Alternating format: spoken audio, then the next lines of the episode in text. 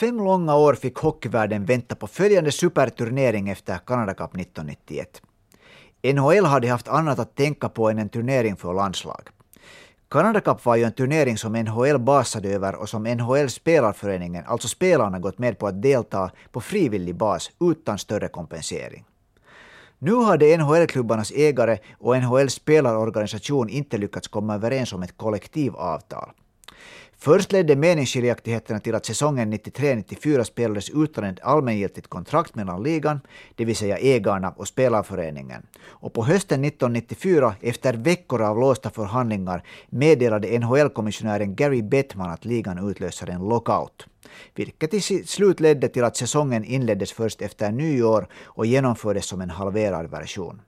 Något som vi i Finland minns mycket väl på grund av att det ledde bland annat till att VM på våren 1995 i Globen spelades helt utan NHL-spelare. När sedan NHL och spelarorganisationen NHLPA äntligen slöt fred och fick ett kontrakt till stånd så hörde en fortsättning på Canada Cup också till det som parterna kom överens om. I framtiden skulle spelarna och ledningsgruppen kompenseras med 2000 dollar per turneringsvecka samt 80 dollar i dagspenning. Dessutom skulle det segrande lagets medlemmar få dela på en segerpremie på 300 000 dollar. Och den, första, och den första turneringen skulle spelas redan i månadsskiftet augusti-september 1996. Turneringen fick ändå nu en helt ny karaktär. Det var inte längre den för, före detta envåldshärskaren Alan Eaglesons baby, vilket ju Canada Cup hade varit på gott och ont. Nu var det NHL-chefen Gary Bettman som var närmast den turneringsgudfader som den kontroversiella Eagleson varit. För det första bytte turneringen namn till World Cup och grundserien delades upp i två grupper varav den ena spelades i Europa och den andra i Kanada och USA. För att turneringen skulle leva upp till sitt nya namn så utvidgades deltagarantalet till åtta länder. I och med att Tjeckoslovakien delats till två nationer sedan Canada Cup 1991 så var det en naturlig lösning att båda delarna av den forna hockeystormakten fick vara med. Tjeckien hade redan hunnit visa med VM-guld på våren 1996 att landet tog över Tjeckoslovakiens traditioner. Men även lillebror Slovakien var direkt från start ett lag att räkna med och som man kunde säga att uppdaterade begreppet de sex stora till de sju stora. Alltså blev Slovakien lag nummer sju. Den åttonde platsen gick slutligen till bekantingen från 1984, alltså Tyskland, som ju hade gått motsatt väg än Tjeckoslovakien. 1984 var det Västtyskland som var med i Canada Cup, nu var det ett enat Tyskland som tog sig an World Cup. Tre NHL-spelare, Coloradobacken Ove Krupp, den, den i Sydafrika födde Washington Capitals-målvakten Olof Költzig och hans klubbkompis i Caps, vänster, vänsterforwarden Stefan Utstorff, var väl sist och slutligen de tyngst vägande pjäserna i just Tyskland och inte till exempel Schweiz, som inte ännu hade en enda NHL-spelare, fick plats nummer åtta i World Cup. Krupp hade till och med avgjort Stanley Cup-finalen några månader före World Cup. Tyvärr tvingade en knäs, knäskada honom att avstå från spel. Den andra nykomlingen, Slovakien, var till motsats från Tyskland ett fascinerande lag. Slovakien spelade en riskfylld offensiv hockey där målen rann in både i ena ändan och i den andra ändan. Tjeckien med cirka 10 miljoner invånare ärvde Tjeckoslovakiens plats i AVM och därmed fick det befolkningsmässigt hälften mindre och betydligt fattigare Slovakien ta en start från CVM 1994. Och Slovakien visade såklart framfötterna till blåbären och steg på två år till AVM. Dessutom imponerade Slovakien i OS i Lillehammer på vintern 94. Först vann laget kvalserien, vilket gav en plats i själva huvudturneringen, och sedan charmade Slovakien publiken på plats och på sofforna genom att vinna sin grupp i seriespelet före de kommande silver och guldmedaljörerna Kanada och Sverige. Först i kvartsfinalen tog det roliga slut efter en uddamålsförlust mot Ryssland. Den säkert populäraste spelaren i hela turneringen då var Slovakiens kapten, 38-årige Peter Stasny. Giganten Stasny hade på 70-talet vunnit VM-guld med Tjeckoslovakien. 1984 vann han Canada Cup som kanadensare och nu tio år senare fick han leda sitt älskade Slovakien i en olympisk turnering. Och som han gjorde det. Nio poäng på åtta matcher för den största slovakiske hockeyspelaren någonsin. Men i World Cup var inte Peter Stasny längre med. Det betydde ingalunda att Slovakien var utan NHL-stjärnglans. Säsongen 95-96 hade Peter Bondra skjutit 52 mål på 67 matcher för Washington Capitals. Islanders-snipern Sigmund Palfi var inte mycket sämre med 43 mål och sammanlagt 87 poäng. Edmonton Oilers Zdeno Seager hade nätat 31 gånger och stått för 70 poäng och Florida Panthers offensiva stjärnback Robert Svela noterades för hela 49 assistpoäng under säsongen. Josef Stympele, Rickard Cednik, Pavol Demitra och Miroslav Chatan var de övriga i det slovakiska World Cup-laget som redan då spelade i NHL och som samtliga var på väg mot en imponerande NHL-karriär. World Cup 1996 kom ännu något år för tidigt för det här slovakiska dreamteamet, men laget som spelade i turneringens Nordamerika-grupp tillsammans med Kanada, USA och Ryssland var nog som helhet vassare än vad Finland var i Canada Cup ännu 1987. Nu var de tre övriga lagen i gruppen bara helt enkelt på tok för starka. De anfallsglada slovakerna sköt fyra mål mot Ryssland, två mot Kanada och tre mot USA, men i det egna ändan rasslade nätmaskorna hela 19 gånger på tre matcher. Så det blev tre förluster och sorti. Alla kunde ändå se hur mycket offensiv talang det fanns i laget, som alltså ännu hade sina bästa år framför sig. På andra sidan Atlanten spelade Sverige, Tjeckien, Finland och Tyskland i Europagruppen. Prag, Garmisch, Stockholm och Helsingfors var matchorterna i Europa. Globen och Helsingfors ishall på Nordenskiöldsgatan fick förstå värd för, värd för två matcher var, medan en match spelades i Garmisch Olympiahall och en i Pragarenan. Nästan obegripligt mycket hade hänt med finsk landslagshockey sedan ett nederlagstippat Team Terrible åkte iväg till Canada Cup fem år tidigare. Den fina prestationen i september 91 var startskottet på den finska hockeyns framgångsberättelse som än idag skriver nya kapitel på sig själv år efter år. Finland hade vunnit totalt en medalj på herrnivå innan Canada Cup 1991, men från och med den turneringen fram till World Cup 1996 var saldot ett VM-guld, två VM-silver och ett OS-brons. Allt det här på fem korta år efter årtionden av svidande saltökenvandring. Nu var Finland plötsligt en optimistisk hockeynation med huvudet fullt av fjolårets guldånger från, Glo från Globen. Best of the Best-turneringen var det perfekta tillfället för Anke Borg-kedjan, Lehtinen, Koivu Peltonen att åka ut på nya äventyr. Och så skulle Super-Teemu Selänne visa upp sig i lejonskjorta på hemmais. Den usla VM-turneringen några månader före World Cup hade visserligen tänt varningslampor hos den vars tankeverksamhet inte helt förstummats av en oändlig den glider in-maraton. Landslagstränaren Kurt Lindström, eller Kulta Kurre som han döps till över en natt, var inte som bäst då det gällde att coacha ett kort projekt med stark NHL-prägel. Redan i VM på våren såg man tydligt att Lindström helt enkelt inte visste vad han skulle göra då han plötsligt hade Teemu Selänne, Esa Tikkanen, Teppo Numminen och Jyrki Lumme till sitt förfogande. Mycket gott kan sägas om Kurt Lindström, men i den tvärt motsatta kategorin hamnar det att ingen annan hockeycoach i hela världen skulle ha valt att hålla Teemu Selänne på bänken då det egna laget i ett 5 mot 3 powerplay jagade kvittering i en VM-kvartsfinal. Det är lätt att säga nu, men månne inte sanningen var att guldtränaren hade gjort det vad han kunde för finsk hockey i och med guldet i Globen. Medicinmannens recept blev helt enkelt föråldrat. Inför World Cup hade Lindström och hans stab i alla fall hunnit samla tankarna och bygga ett lag med NHL-perspektiv. Endast den skadade Esa Tikkanen fattas av de, av de blåvita NHL-spelarna.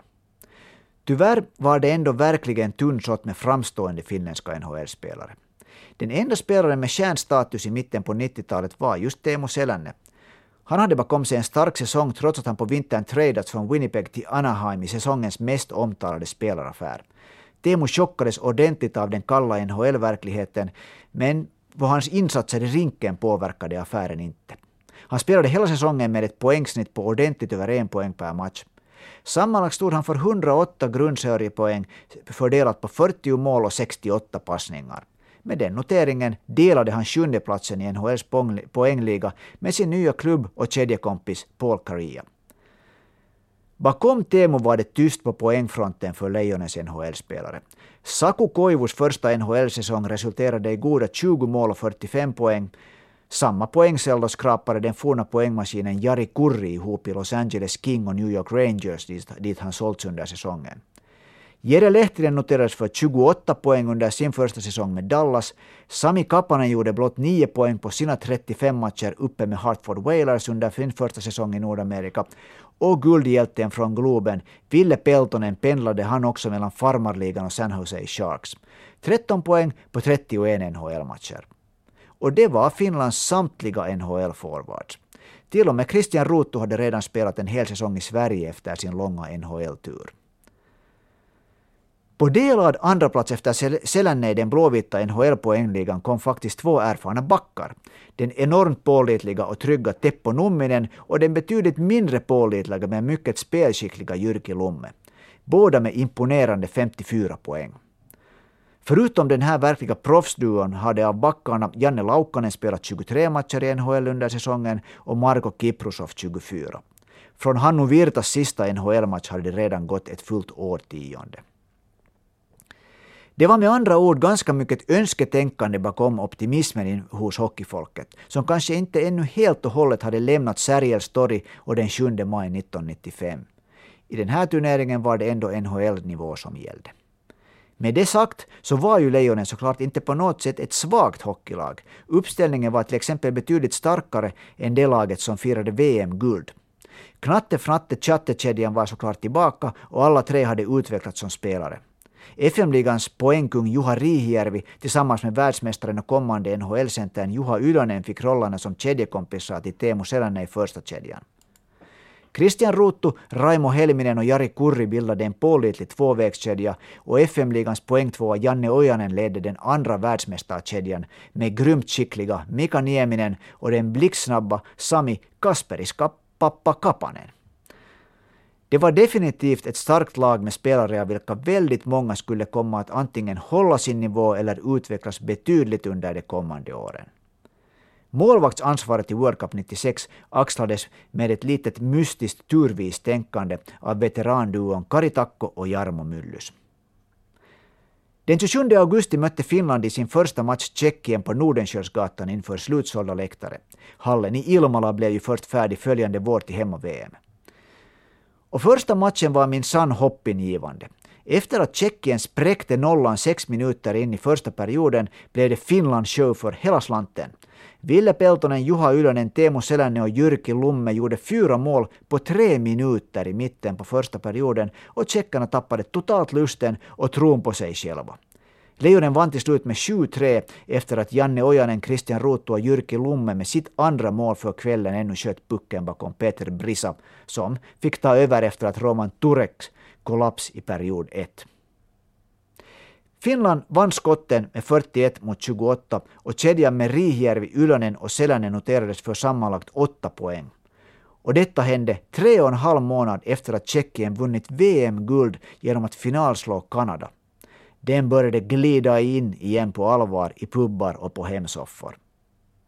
Sensommarens finska hockeyfest fortsatte direkt följande kväll när det var Tysklands tur att ta sig an Lejonen igen i Helsingfors ishall.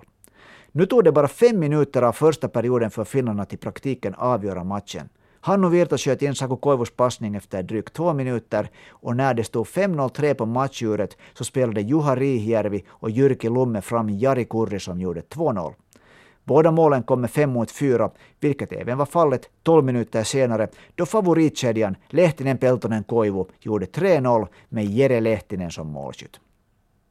I andra perioden sköt Tyskland två mål, men då Selänne, Mika Nieminen och Jere Lehtinen gjorde varsitt så stod det 6-2 efter 40 minuter. Mika Strömberg och Saku Koivu nätade ännu i början på period 3 innan Lejonen slutade jaga lättbyte. 42-18 i skott och 8-3 till slut. 2 plus 1 för Lehtinen, 1 plus 2 för Koivu och 0 plus 3 för Ville Peltonen. Och följande match, gruppfinalen, skulle gå mot Sverige i Globen. Nu gick Hockeyfinland på alla cylindrar. För att citera baseballlegenden Yogi Berra, it's like déjà vu all over again. Förutom att Tre Kronor var möjligtvis bättre än någonsin före eller efter den här turneringen.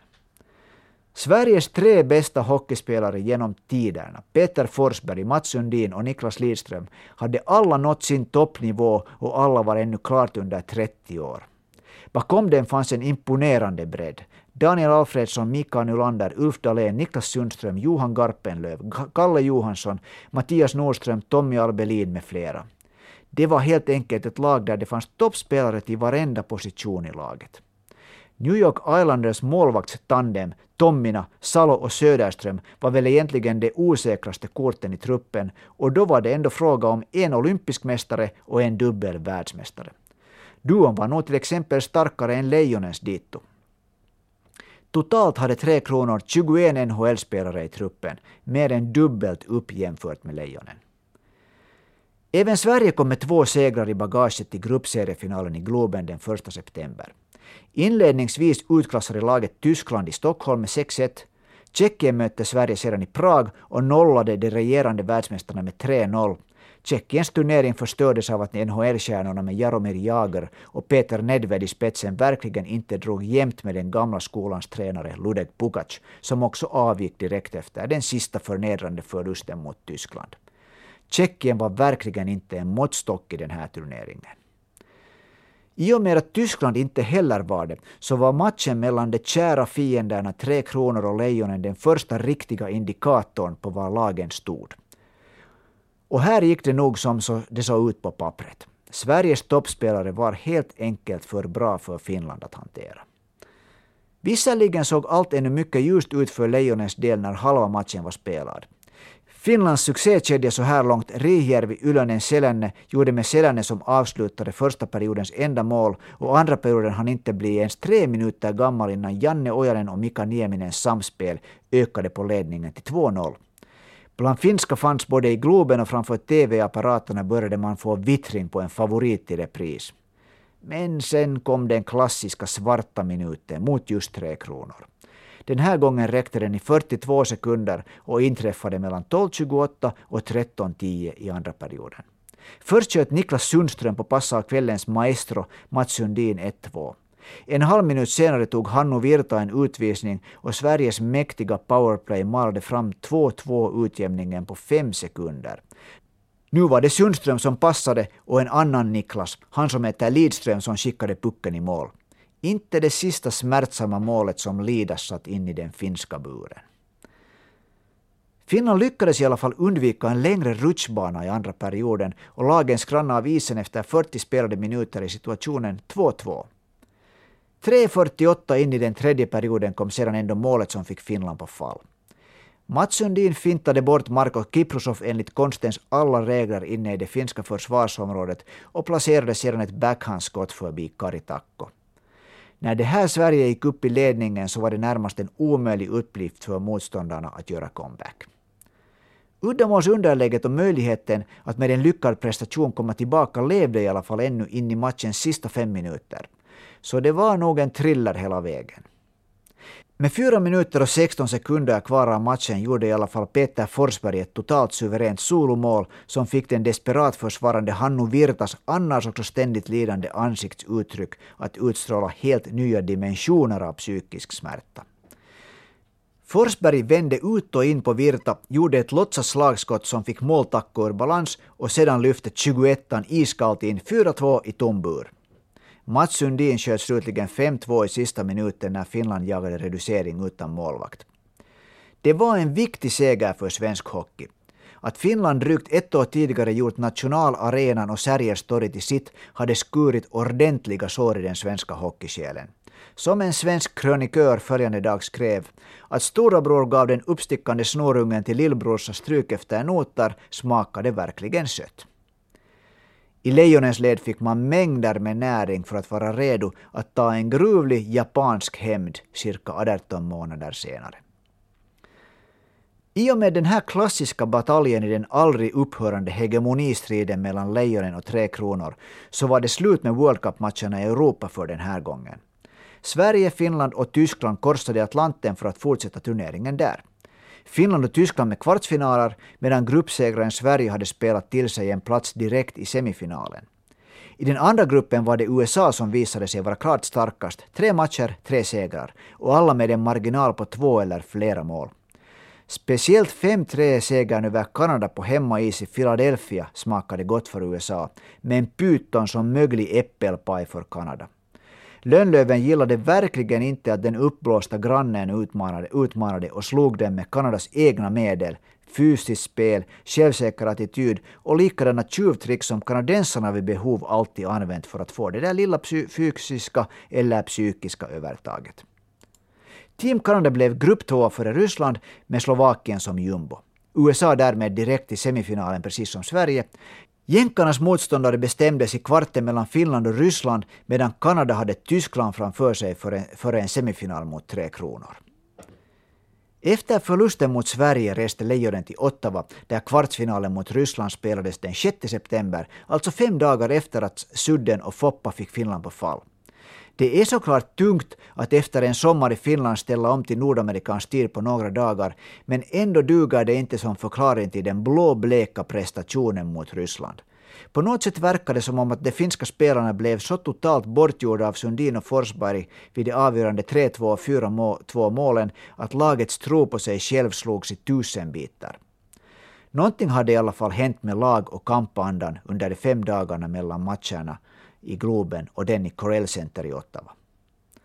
Då matchen körde igång såg Lejonens spel ännu helt OK ut och Teemu, Teemu Selänne till och med prickade stolpen bredvid Andrei Trefilov i det ryska målet. Men när Alexej Kovalev lyfte ett backhandskott förbi Jarmo Myllys och Sergej Gonchar ännu sköt ett powerplay-mål under Christian Rutus utvisning i första perioden så blev Lejonens spel tvingat och det fanns ingen äkta tro på seger längre. Visserligen hade Finland mera skott mot mål under perioderna 2 och 3 än Ryssland, men killerinstinkten fattades speciellt under den andra periodens numerära överlägen. Ryssland behövde egentligen inte efter sitt tidiga 1-0 mål göra annat än vänta ut Finland och slå till med vassa kontringar. Med anfallare som Kovalev, Sergej Fjodorov, Alexander Mogilny, Igor Larionov och Vyacheslav Koslov samt bland annat Gonchar, Sergej Zubov och självaste Vyacheslav Fetisov i de bakre leden så var mördande spelvändningar inget problem för det här ryska laget. Ett lag som tränades av Boris Mihailov och Sergej Makarov och bestod av inte mindre än 27 NHL-spelare och Sergej Beresin från tyska ligan. Det skulle assisterande coachen Sergej Makarov knappast trott nio år tidigare när han kämpade mot Gretzky och Lemieux om segern i Canada Cup. Matchen slutade 5-0, ett förnedrande resultat som betydde att Finland förlorade sina sista två matcher i turneringen sammanlagt med 2-10. Det här efter att Lejonen dundrat in målskillnaden 15-6 på de två inledande matcherna. Augustisolen blev i ett ögonblick till en grå september för det här finska landslaget, som helt tydligt saknade en gemensam inre styrka och tro. Någonting som nog är en fläck i Guldkurre Lindströms resumé som lejontränare. I den andra kvarten avfärdade Kanada Tyskland med 4-1 och tog sig alltså an Sverige i semifinalen. Semifinalupplägget blev annars en missräkning för arrangörernas del. Tanken hade varit den att Kanada skulle vinna sin grupp och därför spelade Nordamerikagruppens segrare sin semifinal i Ottawa och tvåan sin semi i Philadelphia. Tydligen gick byråkratin inte längre att rubba då turneringen väl var igång, så både Kanada och USA spelade sina semifinaler därmed på borta is. USA tog sin fjärde raka seger och kvalificerade sig för finalserien utan större problem. Ryssarna hade förlorat i gruppspelet mot jänkarna med 2-5 och semifinalen blev e- exakt samma slutsiffror. Brett Hall sköt två mål, Tony Amonti, Pat LaFontaine och Matthew Schneider ett var och coachen Ron Wilson såg nöjd ut. Den andra semifinalen mellan Kanada och Sverige som alltså spelades i Philadelphia blev däremot ett legendariskt drama i fem akter. Sveriges förbundskapten Kent Forsberg hade bredvid sig i båset Barry Smith från Detroit Red Wings tränarstab och får man tro svensk media så innehade Smith huvudrollen i att foga samman formationer som fungerade tillsammans på bästa möjliga sätt när man spelade i en NHL-värld där rinkarna är mindre och det ofta gäller att under matchen kunna för, göra förändringar i de spelande formationerna. Tre Kronors producerande kedjor var i alla fall konstruerade kring lagets tre offensiva centerkungar. Peter Forsberg som några månader tidigare varit dominerande i Colorado vann Stanley Cup. Torontos första center Mats Sundin som var på toppen av sin karriär samt trollkonstnären Mikael Nylander som under NHL-lockouten hösten 94 visade upp hela sitt register i djup. I World Cup spelade Forsberg för det mesta med Daniel Alfredsson och Johan Garpenlöv. Suddens World Cup-yttrar var Mikael Andersson till vardags i Tampa Bay och den blott 21 år gamla Niklas Sundström med rookieåret i New York Rangers precis bakom sig. Nylander dirigerade över en kedja med 29-åriga NHL-veteranen Ulf Dahlén som på den tiden spelade San Jose Sharks och Philadelphias marginalspelare Patrik Judin. Niklas Lidström och Mattias Nordström samt Kalle Johansson i par med Saku Koivus klubbkompis från Montreal, Peter Popovic, var ryggraden i Tre Kronors försvarsspel. Tommy Salo fick målvaktsansvaret mot Kanada i semifinalen. En semifinal där Sverige visade direkt att man kommit för att spela om vinst. I första perioden närmast chockade Sundin ett kompani Kanada med en stark offensiv och vann skotten i perioden med hela 14-5.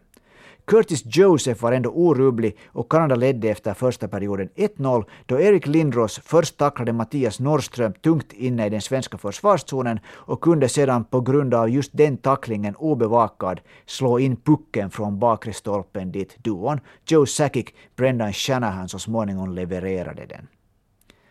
Andra perioden var spelmässigt jämnare, fast Sverige, Sverige igen hade mera skott på mål. 12-9 var skotten i svensk favör i period 2 och 26-13 sammanlagt.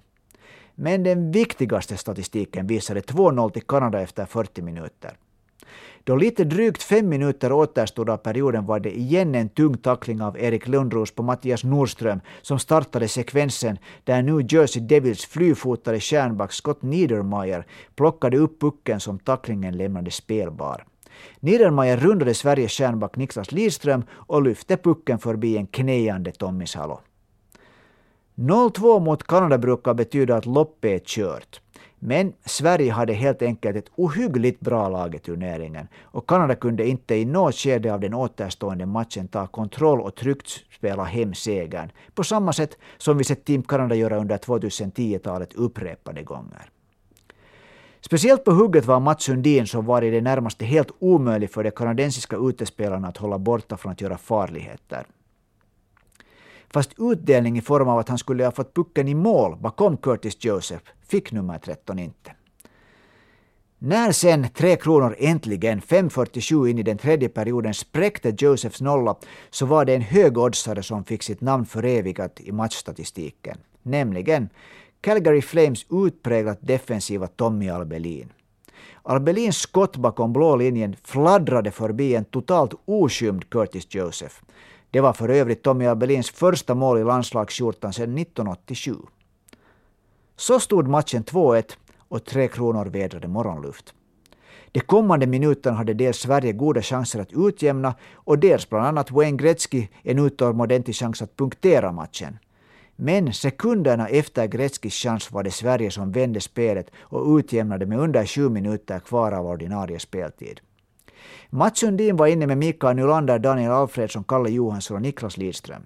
Sundin gav en backhandspass framför kanadensiska målet till, till, till Nylander som sköt en gång och sedan en gång till på returen från Josef och det var andra gången gilt.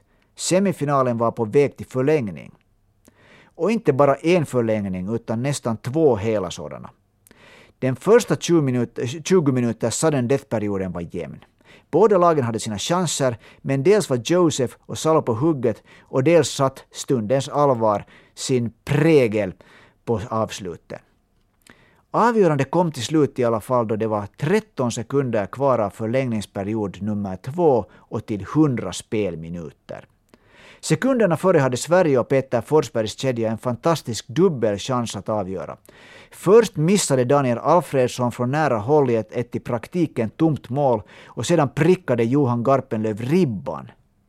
Några sekunder till och Paul Coffey plockade upp pucken, avancerade och passade direkt efter blå linjen till krutdurken Theoren Fleury som sköt ett snabbt handledsskott och det gick förbi Salo. Kanada var i final.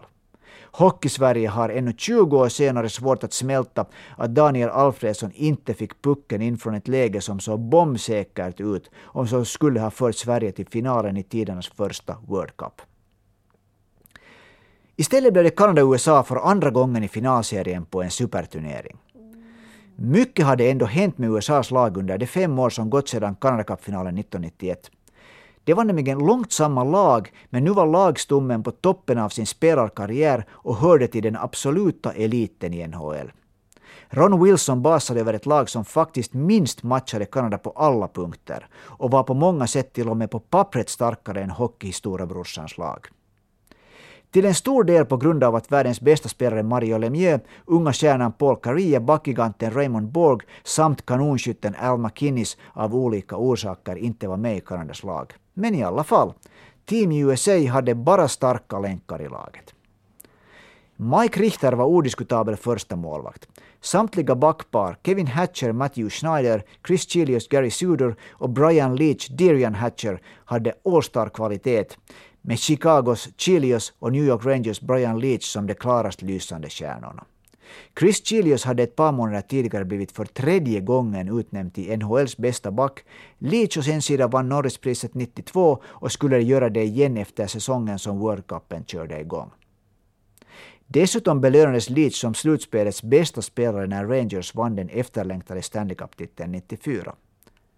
Helt sitt eget kapitel var Dallas Stars brödrapar Darian och Kevin Hatcher. Båda över 190 cm långa och en god bit över 100 kilo tunga bjässar som var omöjliga att rubba fysiskt, till och med för Erik Lindros.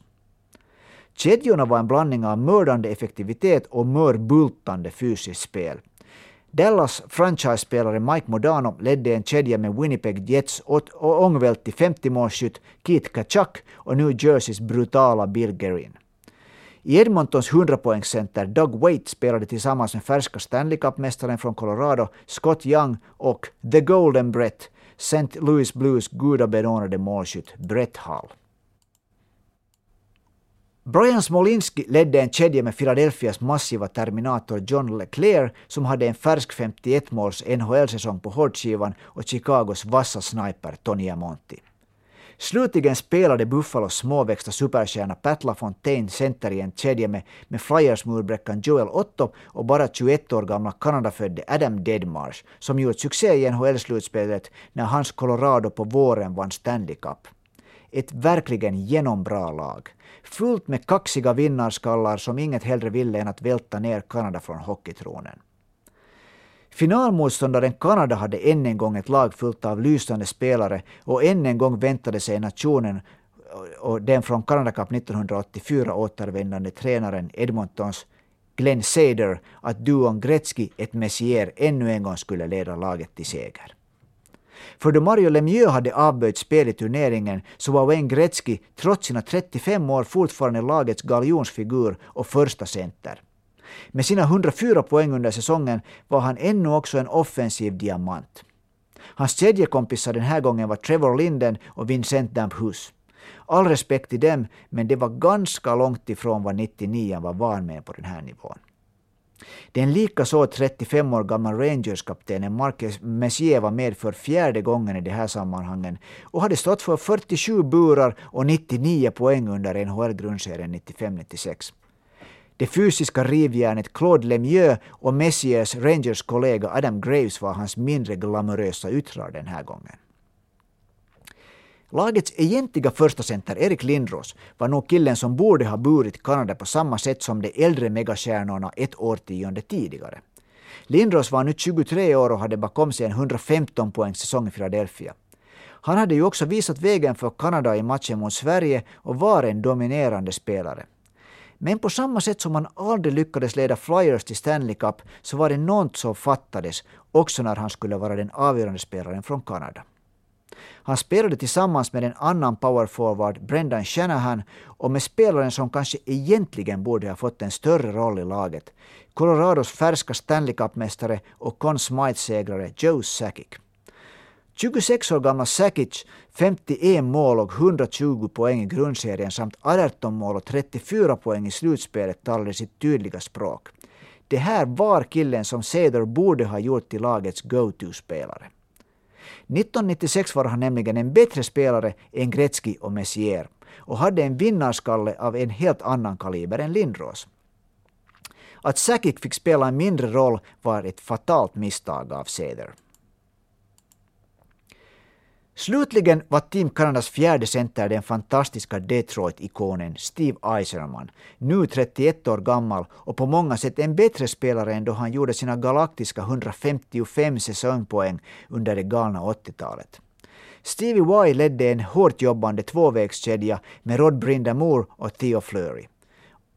Eisenman, också kallad The Captain, var den andra killen förutom Sakic som borde ha fått en betydligt större roll i Cedars turneringsstrategi. Seder var helt enkelt inte längre rätt man att coacha världens bästa landslag. Zambonina hade rullat många mil sedan 1984.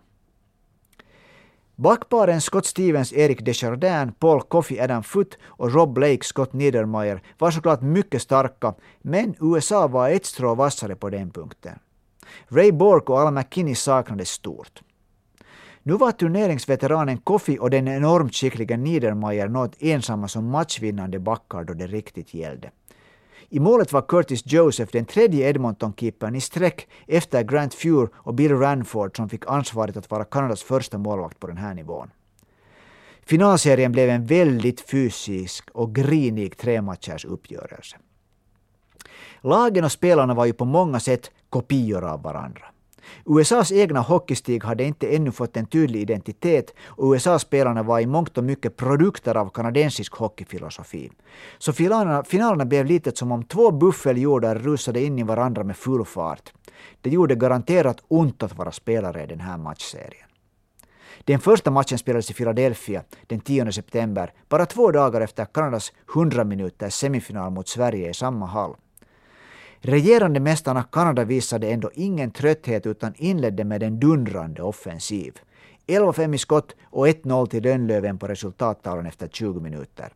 Flyer, Philadelphia Flyers lagkapten Erik Lindros, som i sin hemmahall för första och sista gången hade den lokala publiken emot sig, gav gästande Kanada ledningen då han styrde in Rob Blakes slagskott i numerärt överläge. Till i andra perioden kom USA laddad och det blev ett öppet och intensivt kust-till-kust-spel med allt som allt tre mål och sex tvåminuters utvisningar. Periodens spelare var 196 cm långa lillabror Darian Hatcher som två minuter in i perioden utjämnade matchen genom att sätta in en retur och 12 minuter senare avslutade ett väggspel med Tony Amonte till 2-1. Det såg ut att bli USAs period ända tills Claude Lemieux klubbskaft hamnade i vägen för Mark Messiers skott och pucken hamnade i nätet bakom Mike Richter. Då var det 39 sekunder kvar av period 2 och matchen stod 2-2. Den ettriga minimannen Theo Fleury såg ut att igen bli matchvinnare vid 9.58 av tredje perioden. Då han efter en imponerande solo-rush väntade ut Richter och avslutade med ett äkta målgörares 3-2 till Kanada. Ett resultat som såg ut att hålla hela perioden ut. Men nu var det USA som slog till i den sista minuten. Rättare sagt sju sekunder före fulla 60 minuter. Eller USA, USA. Visserligen var det Kit Kachak och John Leclerc som desperat försökte komma åt den fria pucken i närheten av Kanadas mål då USA sökte utjämning utan målvakt. Men sist och slutligen var det Kanadas egen Erik Desjardins som i sitt försök att spela pucken till trygghet hos mål Joseph misslyckades och istället skuffade pucken in i eget mål. 3-3 och förlängning väntade. Under förlängningen var sedan Kanada ordentligt dominant. USA fick bara ett skott mot Curtis Joseph före Kanadas sjunde skott och 10.37 var spelat av sudden death-perioden och då överlistades Mike Richter. Det var Steve Eiserman som utnyttjade det att Kevin Hatchers enorma kroppshydda skymde sikten för Richter. Eisermans snabba skott överraskade USA-målvakten och Kanada vann den första finalmatchen. Theo Fleury noterades för en assist på det här målet, så han var nog verkligen en viktig kugge i Kanadas lagmaskin i den här turneringen. Nu flyttade finalserien hem till Kanada och Montreal och det var nog ganska många som trodde att USAs lopp var kört. Fel fick det. När två perioder av final nummer två var spelade så ledde USA skottstatistiken med 27-19 och målstatistiken med 3-1. Big John Leclerc gjorde USAs två första mål på exakt samma sätt. Han styrde in ett lågt slagskott från nära håll. Två typiska kanadensiska mål med andra ord. USAs mål nummer tre gjorde den verkliga nageln i hemmapublikens öga, Brett Hall, som frispelades av Chris Chilios. Hall gjorde en äkta backhand forehand före han placerade pucken i mål retsamt mellan benen på Joseph. I tredje periodens femtonde minut lyckades ännu Joe Sakic med ett powerplay-mål knappa in USAs ledning till 3-2, men närmare kom inte Kanada, trots en ursinnig nästan panikartad kamp. Två kallt kliniska USA-mål i tom bur av Kit Kachak och Scott Young fast, fastställde slutsiffrorna till förnedrande 5-2. Det är inte ofta som Kanada inte kommer åt att ens ordentligt kämpa om segern. I Kanada tyckte och tycker man fortfarande att det bara var Richters fantomspel i den tredje perioden som stoppade Kanada. Men faktum är att USA ledde 3-1 före period 3 och 5-2 när slutsignalen ljöd. Alla blåvita hockeyvänner vet hur lite statistikförda målchanser utan utdelning sist och slutligen berättar. Det var nog helt enkelt det bättre laget som vann final nummer två. Montreal var även skådeplats för den tredje och avgörande finalen två dagar senare, den 14 september. Och under den matchens första 53 minuter var Kanada verkligen på hugget under matchens första 40 minuter hade kanadickarna skjutit 32 skott mot Mike Richter, medan USA bara skjutit 14 gånger. Delvis förklaras den kanadensiska stormvinden och USAs passivitet av att Brett Hull med ett powerplay-mål fört upp USA i en 1-0-ledning i mitten av första perioden och jänkarna väntade på att kontra in några dödsstötar. Men Kanada visade nog också upp äkta kanadensisk vilja att vinna, då laget forcerade hela 22 skott mot Richter bara i period 2. Och slutligen, och igen i slutsekunderna av en period, lyckades Erik Lindros spel, i spel med 5 mot 4 göra ett Timo Susi sväng om mål med bara 6 sekunder på klockan. Det betydde att då 20 minuter av World Cupens ordinarie speltid återstod, stod det 1-1 i matcher och 1-1 i den avgörande matchen. Team Canada och hela det hockeytokiga landet gick på högsta möjliga varv när tredje perioden körde igång i det legendariska Montreal Canadiens hemmahall. Och hemmalaget fortsatte att forcera med den slutliga segern framför ögonen. Till slut var det arbetets hjälte, den hårt jobbande defensiva Colorado Avalanche-backen Adam Foote som bröt en dålig amerikansk passning inne i USAs för försvarsområde och sköt, antagligen med ögonen fast, ett högt handledsskott ditåt. Än en gång verkar det som om de hypotetiska hockeygudarna var på Kanadas sida för pucken seglade in över Richters axel och in i mål. 12.50 spelat och nationens hjältar ledde med 3-2. Bellcenter knagade i fogarna. Kanada gjorde ändå det fatala misstaget att ge ifrån sig initiativet och började backa hem i väntan på att de sista sju minuterna av matchen skulle rinna iväg i ilfart. Allt såg bra ut ännu med blott 3 minuter och 20 sekunder kvar av matchen. Men sen följde de dystraste dryga tre minuterna i kanadensisk hockeyhistoria. 16.42 spelat och Brett Hall styr in Brian Leach skott och utjämnar till 2-2. Kanadensarna protesterar vilt och hävdar att Hall styrde pucken in med hög klubba. Domarna kollade målet om och om men godkände det till slut. Kanada var chockat och hann inte repa sig för att Tony Amonti bara 43 sekunder senare lyfte en puck över Joseph och USA var uppe i ledningen med 2 minuter och 35 sekunder kvar av period 3 och turneringen. Nu var Kanadas lag, lagledning och hela landet paralyserat. Ännu gjorde Lönnlöven ett sista försök utan målvakt och med sex man på plan, men det enda resultatet var att Darian Hatcher sköt in 4-2 med 38 sekunder kvar att spela. Till slut gjorde den i kanadensiska provinsen British Columbia födda och uppvuxna Adam Deadmarsh ännu 5-2 till USA, 18 sekunder före slutet. USA tog sin tredje seger över Kanada i turneringen och vann den första World Cupen. Hockeyvärlden hade fått nya kungar. USA vann på grund av en ypperlig spelartrupp, starkt självförtroende och en stor taktisk kyla. Laget anföll beslutsamt, snabbt och spikrakt mot mål.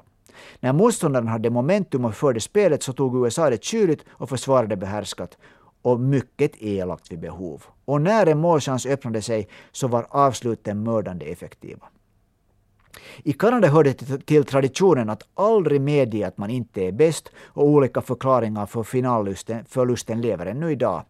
Det är i och för sig en stor orsak till att Kanada oftast vinner när det gäller. Tron på att man är bättre än samtliga motståndare är okuvlig och ger nästan alltid ett psykiskt övertag. Men World Cup 1996 är det onödigt att försöka förklara bort. USA var helt enkelt bättre. Tre segrar på fyra matcher mot Kanada talar sitt tydliga språk. Fast en delförklaring kan faktiskt accepteras. Turneringens poängkung Brett Hull, som gjorde tre stora mål i finalserien, var son till en kanadensisk storhjälte, en av de största någonsin, Bobby Hull, the Golden Jet med världens hårdaste slagskott. Pappa Bobby sköt i tiderna 610 NHL-mål och var en av de tongivande spelarna när Lönnlöven vann den första Kanadakuppen 1976. Att hans i Kanada födda 741 NHL-målsson Brett valde att representera den stora och mäktiga grannen och personligen sköt i sank sitt fädernesland kan med all rätt kännas bittert. Som om Teemu Selännes son skulle bli svensk medborgare och avgöra för tre kronor mot Lejonen i en OS-final. Tänk på det.